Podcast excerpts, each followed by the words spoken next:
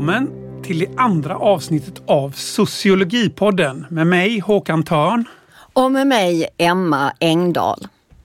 Idag ska vi prata om sexuella trakasserier. Och under de senaste åren så har ju fokus på den frågan ökat i, både i Sverige och i andra länder.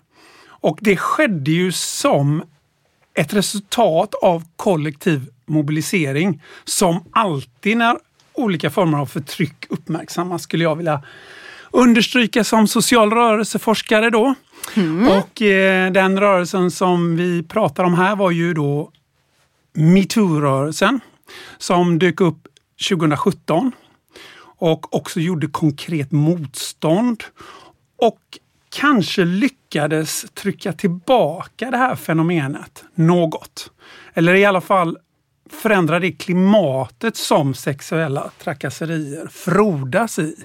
Ja du Håkan, metoo-rörelsen har varit som att öppna Pandoras ask och inte kunna stänga den igen. Antalet vittnesmål om sexuella trakasserier är överväldigande och man blir alldeles matt av allt kvinnor utsätts för. Och ändå så är mörkerantalet stort. Statistiska analyser uppskattar att ungefär 80 procent av de som är utsatta för sexuella trakasserier inte berättar om det. Samtidigt så uppger kvinnor att de efter metoo är mer benägna att tala om sexuella trakasserier som de blivit utsatta för. Och män uppger att de reflekterar mer över sitt uppförande gentemot kvinnor.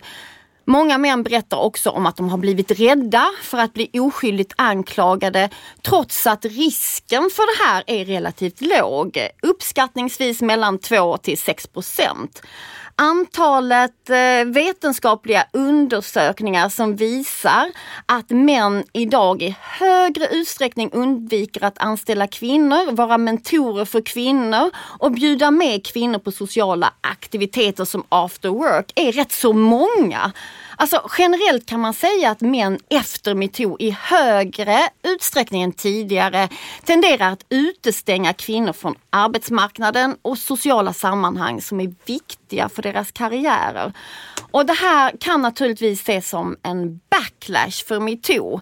Jag skulle vilja säga att man skulle kunna säga att istället för sexuella trakasserier, könsdiskriminering.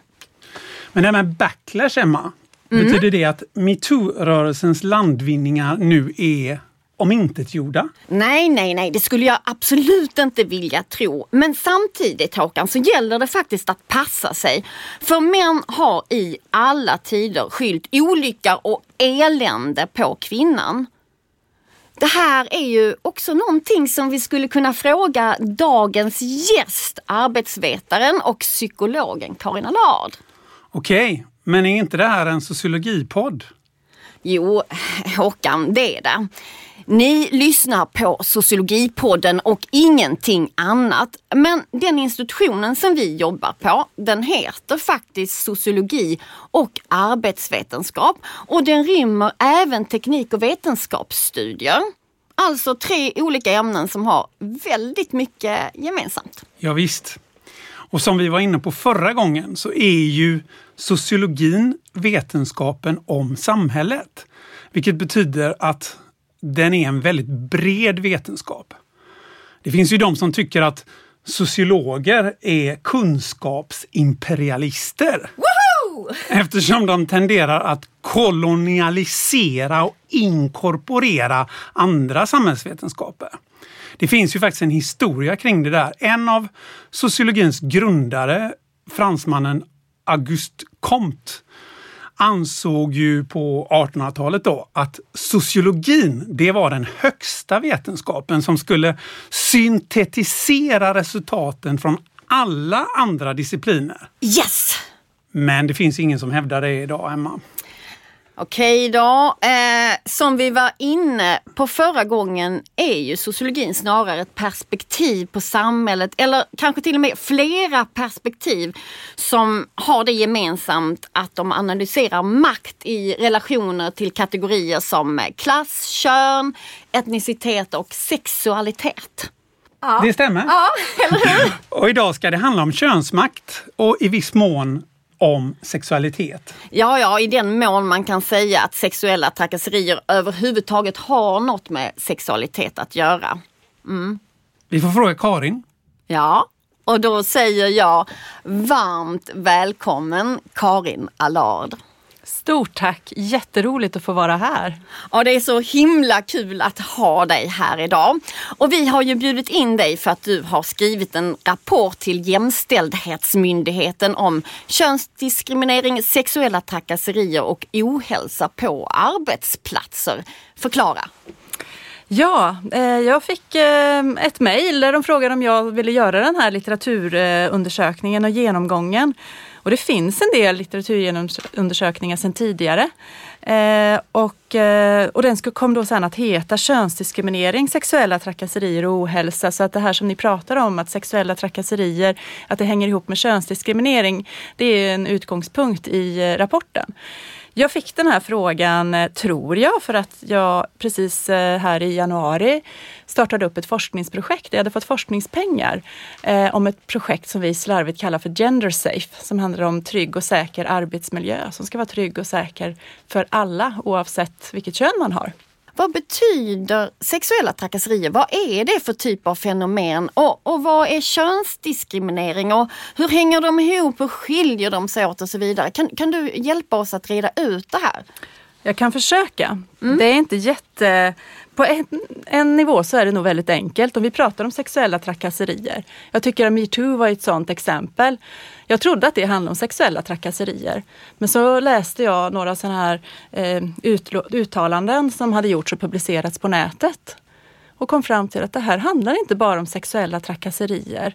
Eh, utan det handlar om någonting eh, annat också. Och vad kan sexuella trakasserier vara? ja, det kan ju vara olika saker men det kan ju dels eh, så kan det ju vara eh, inryms i det här när man har eh, eh, verbala kommentarer, skämt, att man säger någonting som är olämpligt som har någonting med, med det sexuella att göra. Men, men vad kan det vara? Till, till exempel kan, kan det kan vara sånt här som att eh, om man står i en hiss tillsammans med andra så, så säger eh, män, om jag är då en kvinna i en hiss med, med, med, tre män och så säger de så här att vågar du åka här med oss i hissen? Är du inte rädd för att vi ska våldta dig? Mm. Är, det, är det sexuella trakasserier? Det skulle absolut kunna vara sexuella trakasserier. Mm. Eh, och där finns ju något kanske som har också eh, handlar om hot i det. Det kan ju ja. finnas ett undertäckt hot i det. Så sexuella hot är ju också en sån sak. Och mm. det här kan ju vara att man säger det i hissen. Eller att man får det på, eh, på sin mobiltelefon eller på sociala medier. Någon, alltså att det på något sätt kommuniceras. Eh, så att det kan ju ske på olika eh, arenor. Men det kan ju också vara så att man där i hissen eh, känner att man mer eller mindre blir tvingad till ett beteende. Det här ni pratade om makt och mm. eh, så att eh, Och det kan vara fysiskt men det kan också bara vara verbalt om det nu är bara. Men eh, in, utan att det handlar men, men det räcker alltså att det är verbalt för att räknas som eh, sexuella trakasserier och även hot då? Absolut och det är mm. det som jag tycker är väldigt spännande i det här när man pratar om vad, det, vad sexuella trakasserier är. För går man till forskningen så står ju det överallt att det är ganska dåligt definierat. Eller dåligt, det kanske är svårt att definiera det. Eh, tidigare så försökte vi söka pengar för att göra det här i två olika länder, för vi har forskat i Indien innan. Mm. Och då tittar vi på den internationella litteraturen kring detta och då ser man ju hur kulturellt kopplat det är. Och nu går ju ni sociologer igång, eller hur? Ja, det gör vi, det gör vi direkt. Vad är skillnaderna? Precis, men alltså att eh, vad som är okej i en kultur är inte säkert att det är okej i en annan kultur. Och då är ju frågan, eh, ska det vara, alltså kan man ha den här diskussionen om vad som är okej? Om man får den här hissfrågan som du säger. Eh, ska den verkligen vara okej oavsett kultur eller inte? Och det där är ju en jättesvår eh, diskussion. Men det det visar på är ju att eh, kulturen är eh, väldigt viktig för eh, så det är det ena. Och det andra är att det är subjektivt. Om jag tar detta som ett skämt eller om jag känner det här hotet eller inte. Och då är det ju så att ju, om man känner att man har blivit utsatt, det är ju det man går på. Men sen finns det ju en liten tilläggsparagraf och det är ju det att för att kunna visa att man har blivit utsatt så behöver man också visa att man har sagt ifrån på något sätt. Att jag tyckte inte det här var okej. Okay. Så det tror jag är en sån jätteviktig sak att man tar med sig. Om man känner att man blir utsatt, att man markerar eh, tydligt att det här är inte okej. Okay. Men, Men kultur, jag får bara fråga. Ja, absolut. Mm. Det här med kultur, det behöver inte vara mellan länder bara. För i rapporten så skriver ju ni att eh, kvinnor som jobbar inom restaurangbranschen mm. är mindre benägna att rapportera eller anmäla eftersom de ser det som en del av den ja. miljön. Ja. Då har det ju normaliserats och eh, just nu i det här forskningsprojektet så pratar vi om organisationsklimat men om man pratar om klimat eller kultur det behöver vi inte definiera här tycker jag. Men i dagligt tal pratar man ofta om organisationskultur då. Eh, och eh, i det här då har ju ett sådant beteende normaliserats att man tänker att det är. Och det är precis det som, som jag, så när ni pratar om eh, de här samhälleliga nivåerna och så, så tänker jag för mig så tänker jag ju socialpsykologi. Det går inte att isolera det här från samhällsnivå, organisationsnivå och arbetsgruppsnivå.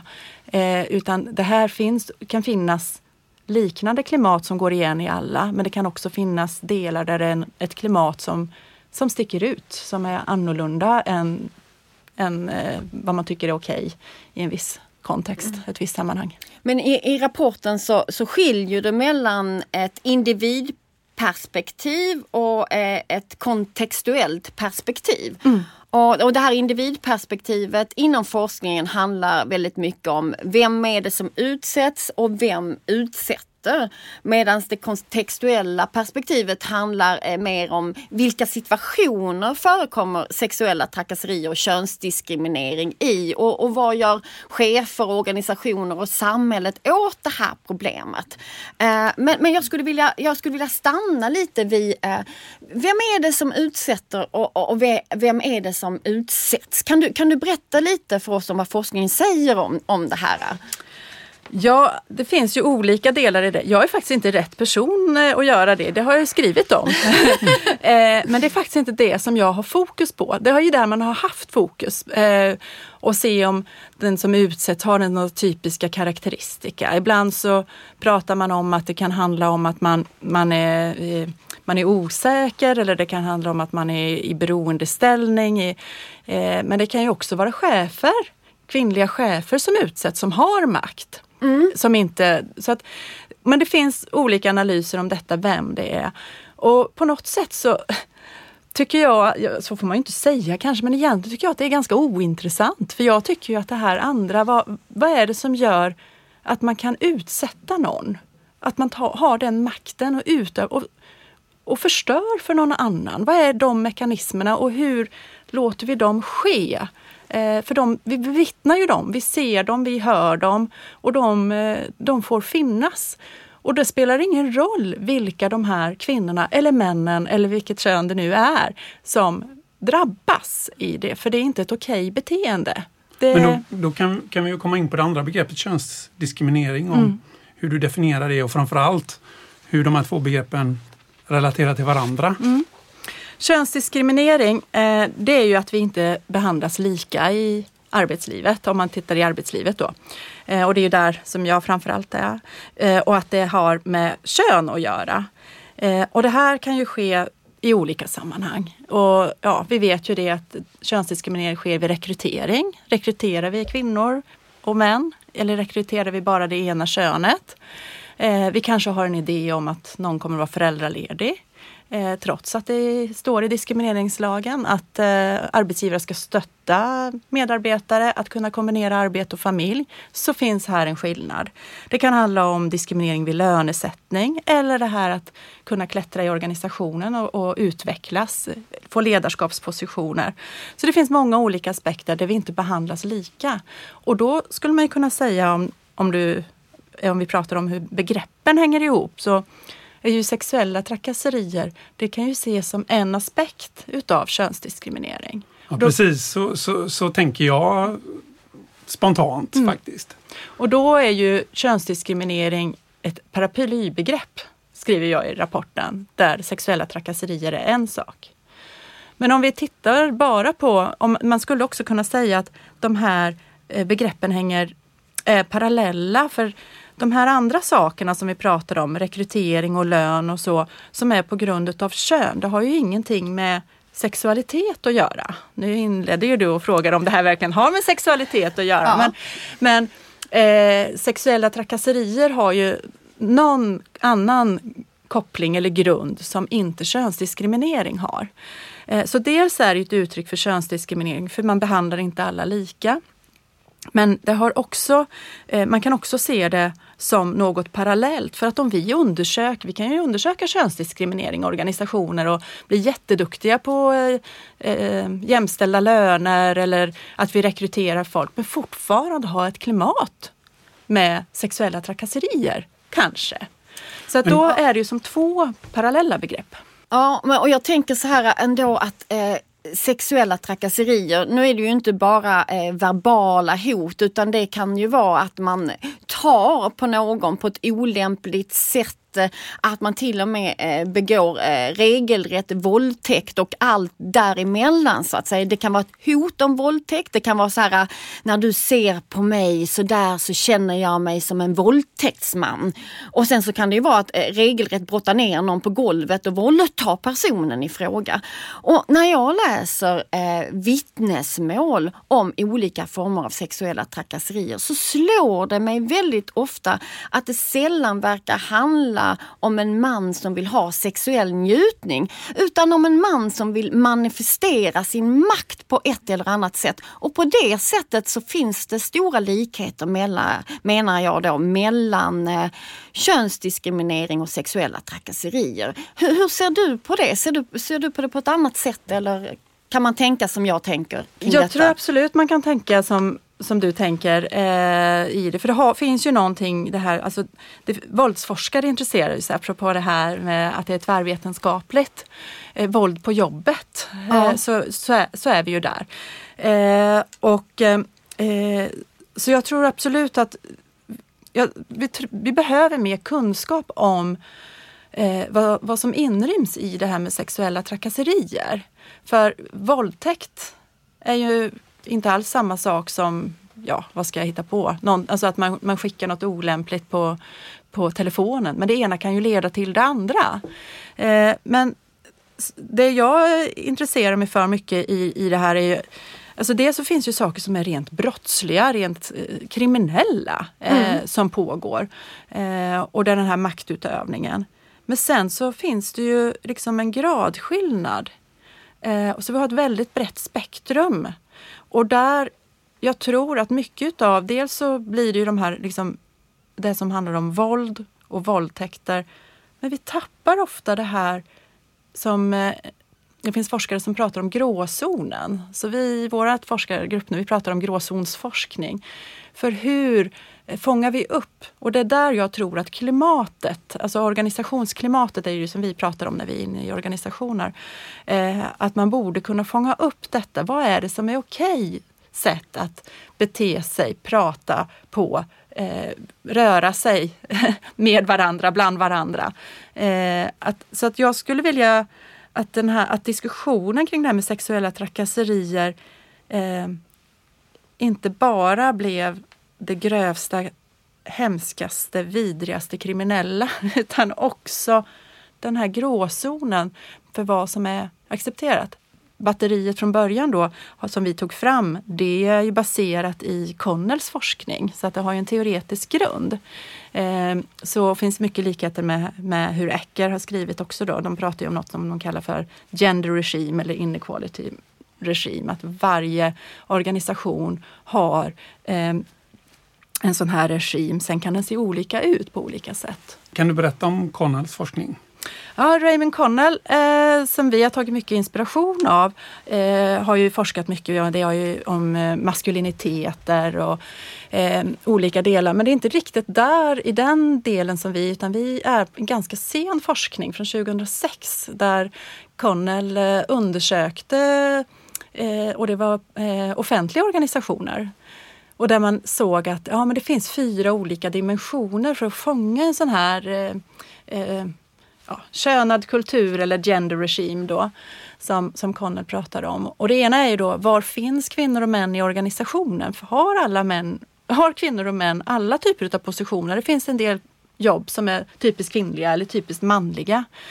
Ehm, och det ser vi ju från svensk forskning att så ser det ju ut ofta i arbetslivet. Att eh, man har olika uppgifter och det kan vara så kön att man, man kan inte jobbrotera, man, kan inte, man klarar inte av att byta arbeten med varandra eller så för att det är, det är kvinnogöra eller mansgöra och man kan ha, även ha namn på detta då. Eh, så det är det ena horisontellt och det andra är då vertikalt. Var finns män, män och kvinnor på på maktpositioner, beslutsfattande positioner och så. Och det här liknar ju väldigt mycket det som vi pratade om innan med könsdiskriminering. Ja, och då, då måste jag ju komma in för i din rapport så skriver du att eh, kvinnor som är mellan 30 och 44 år och som har ett chefsansvar. Det är de som löper allra störst risk för att utsättas för sexuella trakasserier. Mm. Och, och, jag har ju en teori om att det här beror på att män eh, försöker trycka tillbaka och underordna kvinnor som får chefspositioner och stiger i hierarkin. Eh, vad, vad, vad, säger du om det? Jag tycker det passar in lite i Cornell och det här teoretiserandet. Absolut. Jag vill bara säga att det finns två dimensioner till som vi inte glömmer dem sen, för det är de viktigaste vi, vi, dimensionerna. Vi, vi tillbaka till dem, jag vill ändå ha in det här Alex. Ja, absolut. Mm. Eh, nej men, eh, eh ja. Och alltså jag är ju lite, jag är lite tråkig i detta. För liksom vem är det som utsätter och vem är det som... Vi har ju inte svarat än på vem som utsätter. Vi har ju bara pratat om vem som utsätts. Men, eh, eh, och då kvinnor på chefspositioner. Och det finns ju en del studier på det. Eh, att de verkligen är utsatta. Eh, det finns också och, och, och, frågan är ju varför. Jag tror ju att det är en hel del i detta och det är kopplat till Connells nästa eh, dimensioner att om man inte Eh, ja, men kan jag inte få prata om dem? Jo, jo gör det, gör det, det nu. Kör på med det, ja, absolut. Så kommer vi tillbaka. Mm, mm. Ja, för den tredje dimensionen handlar ju om eh, emotions and human relations, kallar Connell det för. Eh, alltså hur, och, och det är det här relationella mellan medarbetare eller medarbetare och chef.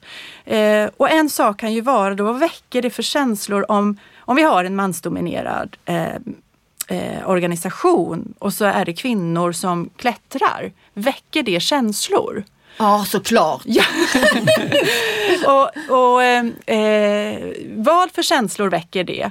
Eh, så, så, och, och, därför tycker jag att det är så fint i, den här, i Connells arbete att det finns det här med att känslor också tas om hand. Det är inte bara var är man någonstans utan det finns något mellanmänskligt i detta. Och där tror jag att de här processerna som du pratar om, de här cheferna möjligtvis skulle kunna vara ett utslag för det. Att det är inte okej okay, för här har vi haft att vi alltid har haft män som har haft haft de här positionerna. Vi har haft män som vi förväntar oss ska ha de här positionerna. Vi vet hur det har varit att bli ledd av män. Och så kommer det en kvinna.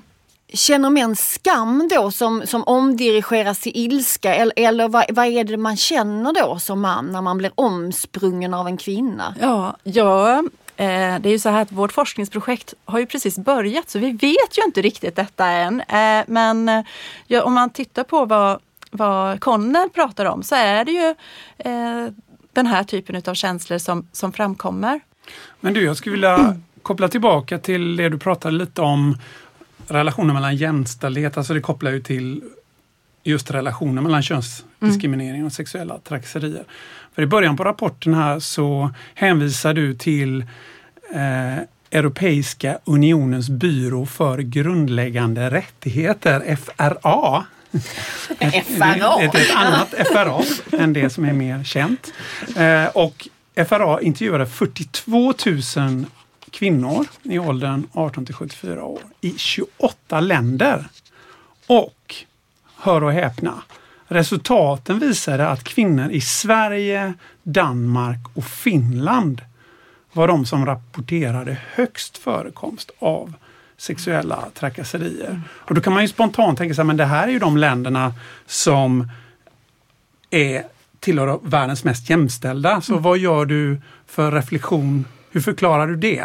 Jag tror att jag skrivit det i förordet till och med, har jag inte det? Precis. Jo, det kan nog hända. Jag jo, det har vi. Ja. Mm. Eh, och det säger ju någonting att när man ser, ser detta så hoppar man ju till. Eh, vi tror att vi liksom är ett väldigt jämställt land Eh, Eh, och det kanske är det här som du pratar Emma om med backlashen. Eller in, alltså att, men det finns två sidor utav det här myntet. Eh, och det, just det här med, har det någon betydelse att vi har en av världens mest könsuppdelade arbetsmarknader, vilket även de här andra nordiska länderna också har. Så det här går ju igen. Eh, så att vi är så könsuppdelade. Och där tycker jag att det är spännande att tänka om, ja men när vi är så könsuppdelade så blir det könade processer, både om det är en kvinnodominerad eller mansdominerad verksamhet. Och vi har nästan, alltså vi har väldigt, väldigt få eh, eh, arbetsplatser som är könsblandade. Vi har väldigt få yrken som är könsblandade. Eh, nu pratar vi en 60-40 indelning eh, procentuellt då. Så det är ju någon paradox i detta att vi är så, ses som så jämställda. Men så håller vi på så här eh, i samhället och på våra arbetsplatser. Och vi är också normaliserade som du pratade om Håkan, om det här med att ja, men det är en del av jobbet. Eh, och det blir väldigt spännande då samtidigt som vi har liksom ett arbetsmiljöansvar som ligger på cheferna. Vi har både en arbetsmiljölagstiftning och en lagstiftning som, som eh, lyfter de här frågorna och ger oss redskap. Eh, men ändå så håller vi på så här. Så jag tror att det här med den könsuppdelade arbetsmarknaden, den är jätteviktig för vilka könade processer som äger rum då, eller den här gender regime då, som, vilken typ av gender regime som vi har då. Det var ju jätteintressant eh, svar på den frågan. Jag hade två andra mm. teorier. den ena är ju då att eh, med högre grad av jämställdhet så ökar benägenheten att anmäla. Alltså det mm. förringar ju inte problemet liksom. Det är ju, mm. Men, och det är ju en förklaring. En annan förklaring skulle ju vara som kopplar till det här att kvinnliga chefer hör till de som är eh, väldigt utsatta.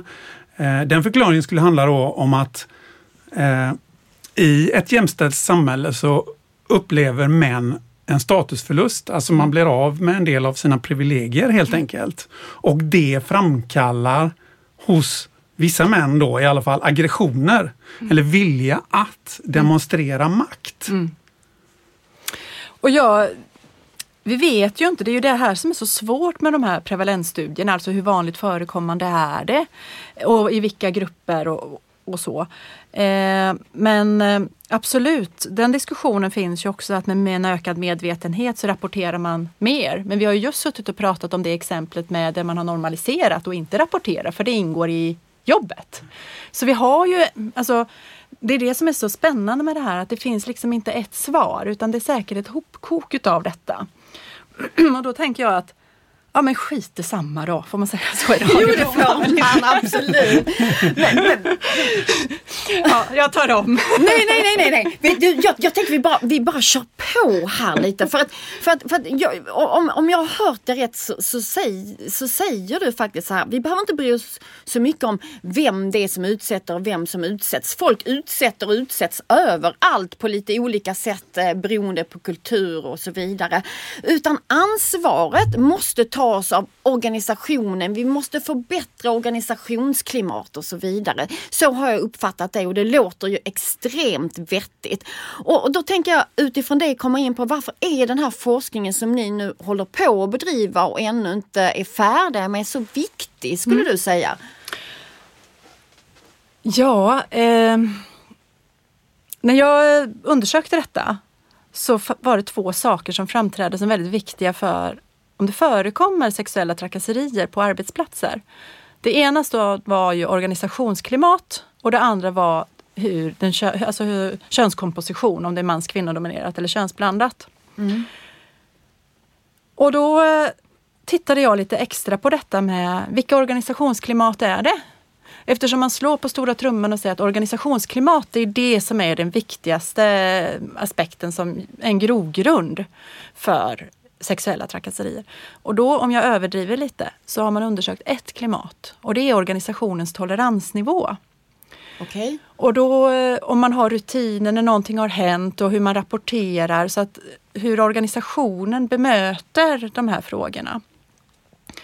Och det är ju jätteviktigt men det är ju lite stort att säga att det att organisationsklimat, när det är ett specifikt klimat. Så då började jag leta efter andra klimat och såg att ja, det finns några få studier med psykosocialt säkerhetsklimat till exempel eller eh, organisatorisk rättvisa som klimat, att det hänger samman. Och då framträder ju att det finns väldigt, väldigt lite som har just med det här med könat klimat att göra. Eh, och det var ju det vi hade jobbat med innan och det tyckte ju vi var, hur kan vi ha att det pågår massa trakasserier, eh, sexuella trakasserier och könsdiskriminering och så säger vi att organisationsklimatet är så avgörande. Men vi har inte undersökt något könat klimat. Vi har inte undersökt gender regime i relation till dessa. Och det tyckte vi väldigt, väldigt lite. Jag går igenom det som jag har hittat då i, i rapporten. Och det här tycker jag blir så viktigt då att, att eh, eh, undersöka mer i det. Och där hjälper ju Connell oss då, för nu har vi pratat om tre dimensioner, inte ah, den fjärde. den fjärde. fjärde dimensionen av Connells teori. Ja, och den är ju svårast då, den handlar om eh, culture and symbolism. Och då tänker jag att det, då kommer man ju liksom tillbaka, för om det handlar om kultur så är det ju egentligen det som, som vi tycker och vill undersöka.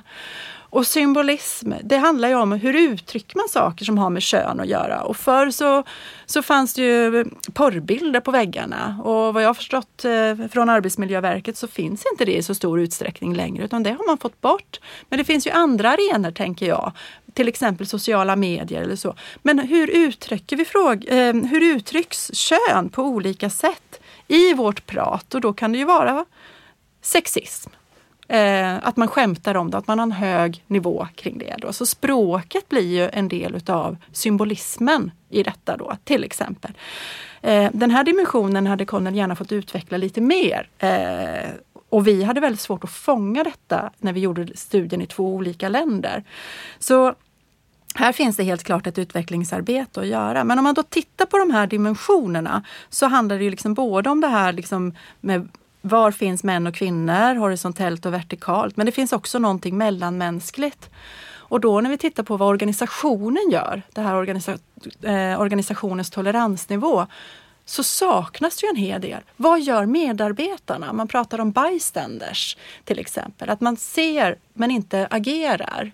Eh, vad, vad, hur hanterar vi det? Eh, som, som en aspekt. Och det andra stora begreppet är ju det här med tystnadskultur. Och hur polar det då till toleransnivån till exempel? Ja, för det har ju med rapportering att göra. Men jag tror att tystnadskulturen handlar om så mycket mer. Eh, och det handlar inte bara om vad cheferna gör i detta utan även vad vi som kollegor gör utifrån detta. Det här är intressant. Det här kopplar ju till en sån här fråga som vi sociologer är väldigt intresserade mm. av och det handlar om förhållandet mellan struktur mm. och handling. Mm. Och det, det, är en fråga då som i det här fallet eh, kan handla om att vi lever i ett patriarkalt samhälle. Mm. Alltså eh, könsförtryck genomsyrar mm. hela samhället all, på alla nivåer, mm. alla institutioner. Och då är frågan som handlar om handling då. Vad kan en liten organisation göra eller till och med en individ göra? Mm. Eh, nu tycker jag att du ändå har uttryckt flera gånger här att det finns ett handlingsutrymme. Eh, och det tar oss till en fråga vi ställer till alla forskare. Och det är vad kan vi ta med oss i vardagen från din forskning? Mm. Och den är ju lite svår eftersom forskningsprojektet just har börjat. Så är den ju lite svår att svara på. Eh, om det är det här som handlar om sexuella trakasserier och könsdiskriminering. Men eh, om jag tänker på rapporten och den litteratur jag gått igenom och om jag också får prata lite om mitt förra projekt igen då som polar till detta. Får du gärna. Självklart. Så tänker jag det att, ja men det ena pratade vi om att organisationer jobbar i olika, mycket, i olika stor utsträckning med de här frågorna. Det finns organisationer, i alla fall i de sektorer vi har undersökt, som jobbar mycket till att de jobbar lite med de här frågorna. Eh, och det ger ju ett handlingsutrymme för individen. Jag tycker inte att det här är en okej okay arbetsplats utifrån de här värderingarna. Det är också så att vi har sett att eh, eh de arbetsplatser som jobbar mycket med de här frågorna Eh, eh, eh, som, som jobbar med frågor som har med jämställdhet att göra, de upplever chefer i alla sektorer i båda länder som mer attraktiva arbetsplatser. Och det ger ju ännu mera argument eh, för de som jobbar i organisationerna att det här är viktigt. För de som jobbar med det här, där vill man stanna kvar i organisationen och man har ett högre engagemang, commitment. Vi har ju inget bra ord på det på svenska, men om vi slarvigt säger engagemang då. Och det tycker jag är så viktigt i detta att eh, och då var det gjort på chefer. Så vill våra organisationer ha sina chefer så behöver man jobba med de här frågorna. Det är ju en win-win situation Ja, för att prata engelska. Nej, men vi har alla något att vinna på det. Hela samhället och varje enskild individ skulle jag vilja påstå. Och sen tänker jag det att eh, mycket är ju kunskap för, som handlar till organisationer. För man, forskning visar ju att man tycker det är svårt att gå från lagstiftningen till vad vi ska göra för att ta vårt ansvar. Och där kanske den här klimatforskningen som inte bara handlar om de strukturerna utan handlar om något relationellt också, kanske kan hjälpa till och att vi får en mer finjusterad definition, eh, idé om vad sexuella trakasserier kan vara, så vi också får med gråzonerna. Och jag tänker också att man kan hjälpa till eh, kring hur ska vi prata med varandra om vad som är okej och inte okej. Hur ska jag kunna uttrycka att det här känns inte okej för mig? Du kan inte skämta om min kropp på det där sättet för då känner jag mig obekväm på arbetsplatsen. Då kan jag inte utföra mina arbetsuppgifter på ett optimalt sätt och så vidare. Och vi, tiden börjar rinna ut. Det här är så otroligt viktigt och intressant och spännande. Men vi måste gå till vår allra sista fråga som vi också ställer till alla våra gäster. Har du någon läsupplevelse som du skulle vilja dela med dig av till oss och till lyssnarna? Ja, man vill bli arg och frustrerad. Ja, det är faktiskt rätt bra att bli arg och frustrerad för att få kraft att förändra samhället. Revolution! Ja, jag har ju läst eh, eh, Klubben av Matilda Gustafsson som är en journalist som har eh, skrivit eh, om den här kulturprofilen som utsatte väldigt många människor eh, ja, i kultureliten pratar man ju om. Eh, och där, eh, det jag som fångar mitt intresse där, eller det, de frågor som jag har det är ju just det här hur många som såg och bevittnade detta. Antingen där och då. Kanske inte de regelrätta våldtäkterna. För det gjorde de, han ju i, i ja, på, annat, på annat ställe. Inför lyckta dörrar. Ja, det brukar ju vara så. Men det fanns ju, det var, fanns ju ett kladdande och massa annat eh, som, som människor bevittnade där. Men det fanns ju också en kännedom om detta. Eh, och eh, ja, den här kulturprofilen, han eh, hade ju kopplingar. Det var ju, det var till, var ju till kommuner och det var till myndigheter som också visste om detta. Och där tänker jag att eh, hur kunde det här få fortgå? Hur det är lite som i perspektiv till din rapport där att mindre intressant är de specifika individerna utan miljöerna som möjliggör detta. Och där tänker jag ju att jag tror att om vi skulle använda Connells eller Eckers, de här regim och fundera på vad är det för regim här? Eh, så att försöka förstå eh, de här patriarkala processerna någonstans. Eh, hur kan de få en grogrund utifrån det klimat, den kultur som finns i den här verksamheten? Det var ett väldigt bra eh, slutord på ett sätt, sammanfattning av mm. din forskning som är så spännande och som ju pågår. Och eh, vi vill önska dig och dina kollegor lycka till med den forskningen och tacka dig så väldigt mycket för att du ville komma hit. Tusen tack, det var jätteroligt att få prata med er. Ja, tack Karin Allard, arbetsvetare och psykolog. Hej då! Hej då! Hej då! Då är det dags för dagens litteraturtips med citat. Och idag har du valt en text, eh, Emma. Ja, det har jag och jag kör igång med ett citat direkt. Och jag ska ta vatten precis som jag brukar göra precis innan. Det här är ett viktigt citat, kära vänner. Lyssna noggrant. Livet i det här samhället är i bästa fall skittråkigt och ingen aspekt av det är överhuvudtaget relevant för kvinnor.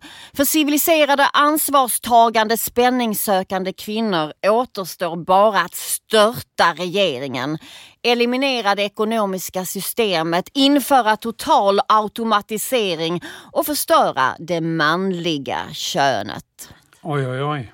Ja, det här är ord och inga visor. Och det här är inledningen till Skummanifest av Valerie Jean Solanas i svensk översättning av Sara Stridsberg.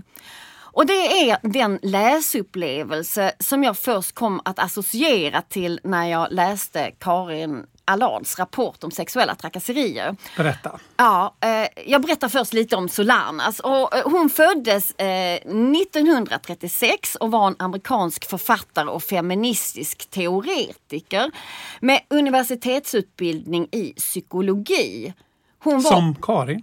Ja, precis som Karin. Uh, där kanske parallellerna slutar visserligen. Hon var nämligen även prostituerad. Uh, det sägs att hon lär ha bekostat stora delar av sina universitetsstudier genom att sälja sex till ett otal amerikanska män. Nåväl, uh, Skummanifest Håkan är ett mästerverk som i princip är omöjligt att göra rättvisa. Som jag ser det bör Skum läsas i ett enda svep där man låter Solanas vrede, hat och hopp om en bättre framtid omsluta en. Och gör man det så hävdar jag att oavsett vem man är så får man en omvälvande upplevelse. Men vad står SKUM för? Ja, SKUM eh, sägs vara en akronym för Society for Cutting Up Men. Men den här akronymen står i bjär kontrast till en av Solanas huvudtankar i boken. Nämligen att kvinnor instinktivt vet att det enda som är fel är att skada andra och att meningen med livet är kärlek. Och där kanske jag kan skjuta in att det finns en dubbelmening i den engelska titeln, alltså Society for Cutting Up Men. Man tänker kanske direkt på att män ska skäras upp. Men det kan också betyda Föreningen för att skärskåda män. Ja, hela den här akronymen är troligtvis ett PR-trick från förläggarens sida. Tror du det? Och, ja, jag, jag, tror det. För att Olympia Press gav nämligen ut den här boken eh, 1968. Och det var strax efter att Solana hade fått extremt mycket massmedial uppmärksamhet för sitt misslyckade mordförsök på Andy Warhol. Och eh, jag skulle säga att i och med det här mordförsöket så passerar naturligtvis Solanas en gräns där det blir omöjligt för henne att vända tillbaka. Eh, I en intervju säger hon att hon ser sitt misslyckande som ett moraliskt felsteg från sin egen sida. Och hon konstaterar att hon borde övat mera. Hon borde haft ihjäl karln helt enkelt. Okej, okay. mm. men vi kanske bara ska nämna för de som inte känner till det att Solanas mordförsök på Warhol inte hade något med manifestet att göra. Alltså, det var inte någon slags politiskt motiverad aktion utan det handlade om en personlig konflikt. Warhol hade slarvat bort ett manus till en pjäs av Solanas och hon krävde ersättning som han vägrade att ge. Just precis. Enligt Solanas hade Warhol snott hennes pjäs Up your ass som handlar om en kvinna som hatar män och som försörjer sig som tiggare och prostituerad. Troligtvis ett alter ego skulle jag säga. Men Håkan, jag, jag vill inte att vi ska fördjupa oss i Solanas som personen som sköt Warhol utan diskutera hennes mycket mer intressanta idé om skum som ett litterärt grepp som ger uttryck för ett tillstånd och för kvinnor som tänker på ett speciellt sätt och även för män då som stödjer det här tankesättet. Okej, men vad är det för tillstånd då som Solanas äh, syftar på? Ja, alltså som jag ser det så syftar hon på det tillståndet som uppkommer när man har genomskådat det kapitalistiska och patriarkala skitsamhället. Och det här är då ett samhälle som är byggt av män som bara bryr sig om pengar, sex och våld. Och det är ett tillstånd som också uppkommer när man spyr galla över vad Solanas kallar daddy. Och daddy det är auktoriteter och män med makt.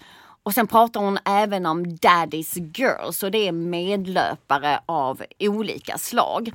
Och det här tankesättet det går ut på, skulle jag vilja påstå, att nu är det väl ändå en blodig revolution på gång. Låt oss fucka upp systemet, selektivt förstöra egendom och döda män. Och det här Eh, nu är jag faktiskt allvarlig. Det här är någonting som Solana menar kan bli nödvändigt för att störta såväl kapitalismen som patriarkatet. Men menar hon verkligen det? Eh, ja, alltså när man läser Skum så måste man förstå den situation som Solana skriver utifrån. Och dels skriver hon utifrån den intellektuella och bildade kvinnans situation.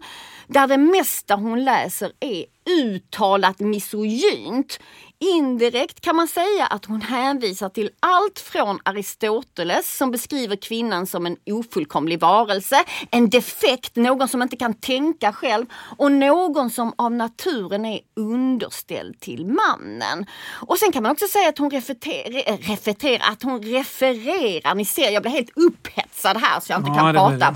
Ja, hon refererar även då till Freud som eh, bland annat menade att vävkonst konflikten uppstod genom att kvinnan i skam över sitt sår flätade sitt pubeshår. Det var en originell eh, tanke. Den är helt förfärlig. Usch! Ja, eh, eh Solana skriver bland annat att idén om penisavund är ett manligt försvar mot den egentliga fittavunden. Och att i princip alla män skäms över att inte vara kvinnor och att sakna de egenskaper som krävs för att älska och för ett liv i fred och harmoni. Jag tycker det är intressant att den här boken kommer ju just år 1968 i USA som ju är eh, tidpunkten för student och hippierörelsens höjdpunkt. Men Solanas är ju inte imponerad. Nej, inte alls. Jag tycker det är ganska kul när hon skriver att citat Hippin är lockad av kollektivet, framförallt på grund av utsikten till fri fitta.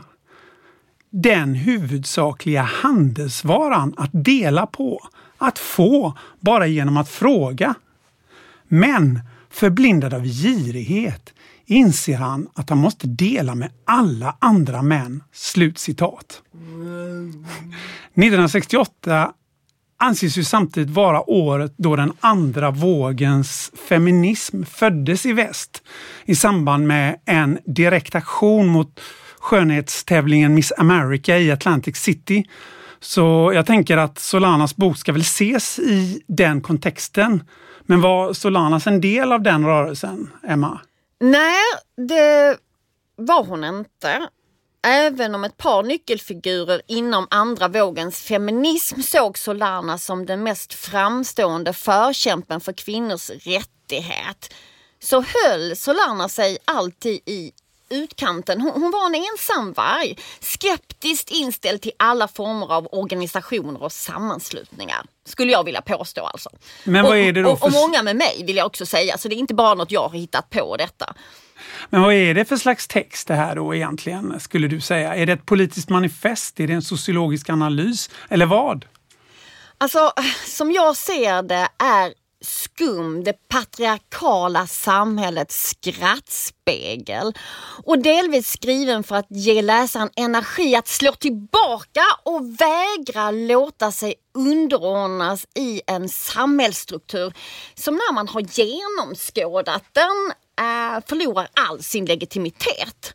Sedan får vi inte glömma att Solanas också skriver utifrån sin biografiska historia som inkluderar incest, hemlöshet, prostitution, marginalisering och ensamhet som jag var inne på tidigare.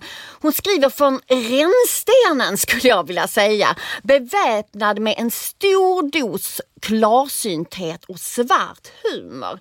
Personligen så, så läser jag faktiskt Skummanifest som en form av kvinnlig satir som världen inte var redo för och som jag tror att den fortfarande har svårt att ta till sig fullt ut. Ja, det tror jag. Mm, eh, Sara Forsberg eh, lyfter ju fram Solanas eh, som ett stort geni som blev sjuk av det samhälle hon levde i och var tvungen att utöva motstånd mot för att överleva.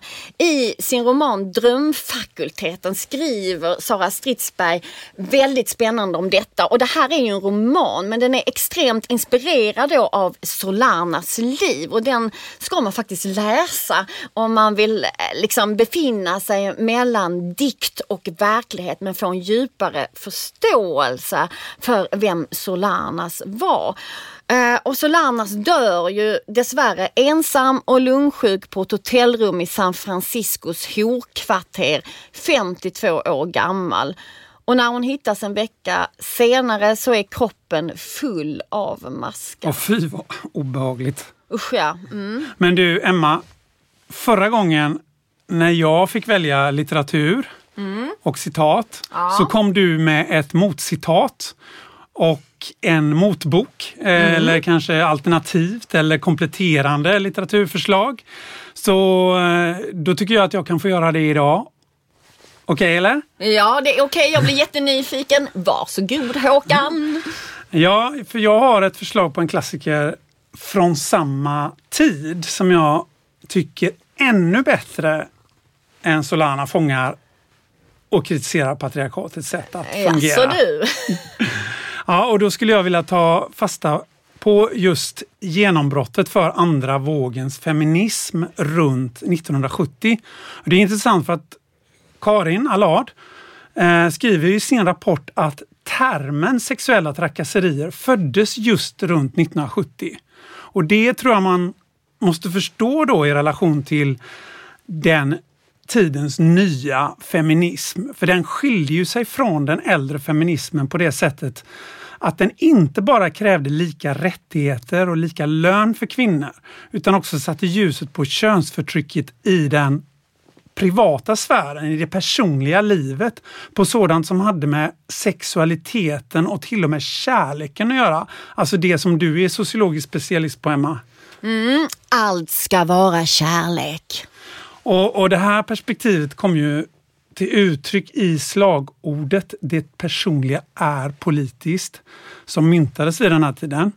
Och vi pratade ju lite med Karin förut hur man ska förstå förhållandet mellan könsdiskriminering, könsförtryck och sexuella trakasserier. Hur är de kopplade till varandra? Vilket är det mest grundläggande etc. Och då skulle jag vilja komma med ett citat från den kanske mest inflytelserika bok som skrevs inom den andra vågens feminism just vid genombrottet 1970. Och det här citatet är hämtat från Kate Millets bok Sexualpolitiken i originalet Sexual Politics som kom ut 1971 och omedelbart översattes till svenska. Och jag ska då säga att eh, Millet här analyserar Jean Genets bok Balkongen i det här citatet som jag eh, nu ska läsa upp i översättning av Roland Adler Bert. Spännande. Citat. Genet låter den grundläggande kontakten människor emellan, den sexuella, bli den självklara kärnmodellen för alla de mer komplicerade samhälleliga konstruktioner som växt fram ur den. Okej, eh, men, men hur tolkar du det då? Jo, men Millet menar ju att makten över sexualiteten, det vill säga mannens kontroll av kvinnans sexualitet, det är själva grundbulten i patriarkatet. Det är lite som kontrollen över produktionen hos Marx. Fast här är det ju kontrollen över reproduktionen kan man säga. Sen blir den svenska titeln då sexualpolitiken lite problematisk eftersom tvetydigheten i originalets titel Sexual Politics går förlorad, precis som skummanifestet faktiskt. Alltså sex på engelska kan ju betyda både sex och det vi kallar kön eller genus. Möjligen så skulle det kanske varit bättre att översätta till könspolitiken då. För där finns ju en, en dubbeltydighet även på svenska, men även här kanske man kan misstänka kommersiella skäl. Alltså sexualpolitiken Troligtvis. låter ju lite sexigare än könspolitiken. Kapitalistiskt samhälle liksom och sex Ja. säljer, usch. Ja. Men i alla fall. Eh, bokens titel då, Sexual Politics, det är också det centrala begreppet i Millets analys. Där hon menar att könsrelationerna är ett maktsystem som alltså är grundat i de sexuella kontakterna. Men då är det också viktigt att, att påpeka att Millet förstår inte sexualiteten i dess biologiska aspekt. Hon förstår båda betydelserna av sex som något kulturellt eller samhälleligt skapat. Ja men alltså Håkan, här finns ju hur många paralleller som helst till Solanas som menar att vi måste uppnå antisex. Kvinnor måste helt enkelt sluta ha sex med män för att fucka upp patriarkatet. Och som jag tolkar Solana så menar hon att den heterosexuella sexualakten för kvinnan då utgör en upplevelse som synliggör patriarkatet och dess orättvisor. Så ju mer sex man har som kvinna med en man, ju mer benägen blir man att typ för all framtid avstå och istället ägna sig åt samhällsförbättring. Uh, ja, jag ska inte fördjupa mig i detta. Låt oss återgå till Kate Millett. Uh, vem var hon Håkan? Hon föddes 1934 i Minnesota. Hon var konstnär, skulptör, författare och litteraturvetare. Sexual Politics bygger faktiskt på hennes eh, doktorsavhandling eh, vid Columbia University i New York. Hon var också aktivist på 60-talet i medborgarrättsrörelsen och på 1970-talet i kvinnorörelsen förstås. Och sist men inte minst eh, så undervisade hon under en period också i sociologi efter att socialpolitiken kommit ut. Aha! Och Det här tycker jag knyter an till något vi pratade om i det första poddavsnittet, nämligen förhållandet mellan sociologi och skönlitteratur. Millets bok Sexualpolitiken är ju till väsentliga delar en analys av skönlitteratur. Hon läser och analyserar och dissekerar verk av författare som D.H. Lawrence, Henry Miller och Norman Mailer som ju då har rykte om sig att vara radikala i sin skildring av sexualitet.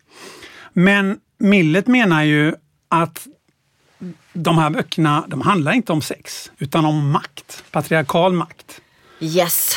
Och i det här citatet som jag läste upp så nämner hon ju Jean Genet som hon faktiskt är mer positiv till. Genet var ju homosexuell och detta avspeglas, menar Millet, i en mer genomskådande syn på patriarkatets sexuella relationer. Och för att bara avsluta då, så visar ju Millet med sin bok, som faktiskt blev enormt inflytelserik, inte bara inom kvinnorörelsen, utan också inom akademin och inte minst samhällsvetenskapen. Hon visar hur man kan avläsa samhället och dess maktrelationer i den litteratur som detta samhälle producerar och håller högt. Ja, det här är eh, väldigt intressant. Jag har sagt det många gånger i den här podden, men jag säger det igen. Intressant och otroligt viktigt. Vi skulle kunna fortsätta i timmar, dagar, år. Men vi måste sluta nu Håkan. Ja, vi måste väl det. Japp, men det kommer ju ett nytt avsnitt av Sociologipodden. Just det. Och då ska vi på nytt beröra vår tids ödesfråga, miljöförstöringen. För då kommer vi att intervjua Göran Sundqvist som i dagarna har kommit ut med en bok där han analyserar förhållandet mellan vetenskap och politik i förhållande till klimatförändringarna. Karin pratade ju om här att man måste analysera klimatet, men då pratade hon ju om klimatet på arbetsplatser. Här Ja. pratar vi om klimatet för planeten Tellus som är ju, vilket de allra flesta nu är medvetna om håller på att förändras på ett mycket problematiskt sätt. Ja, det här ser vi fram emot men nu tar vi farväl för den här gången. Hej då! Hej då!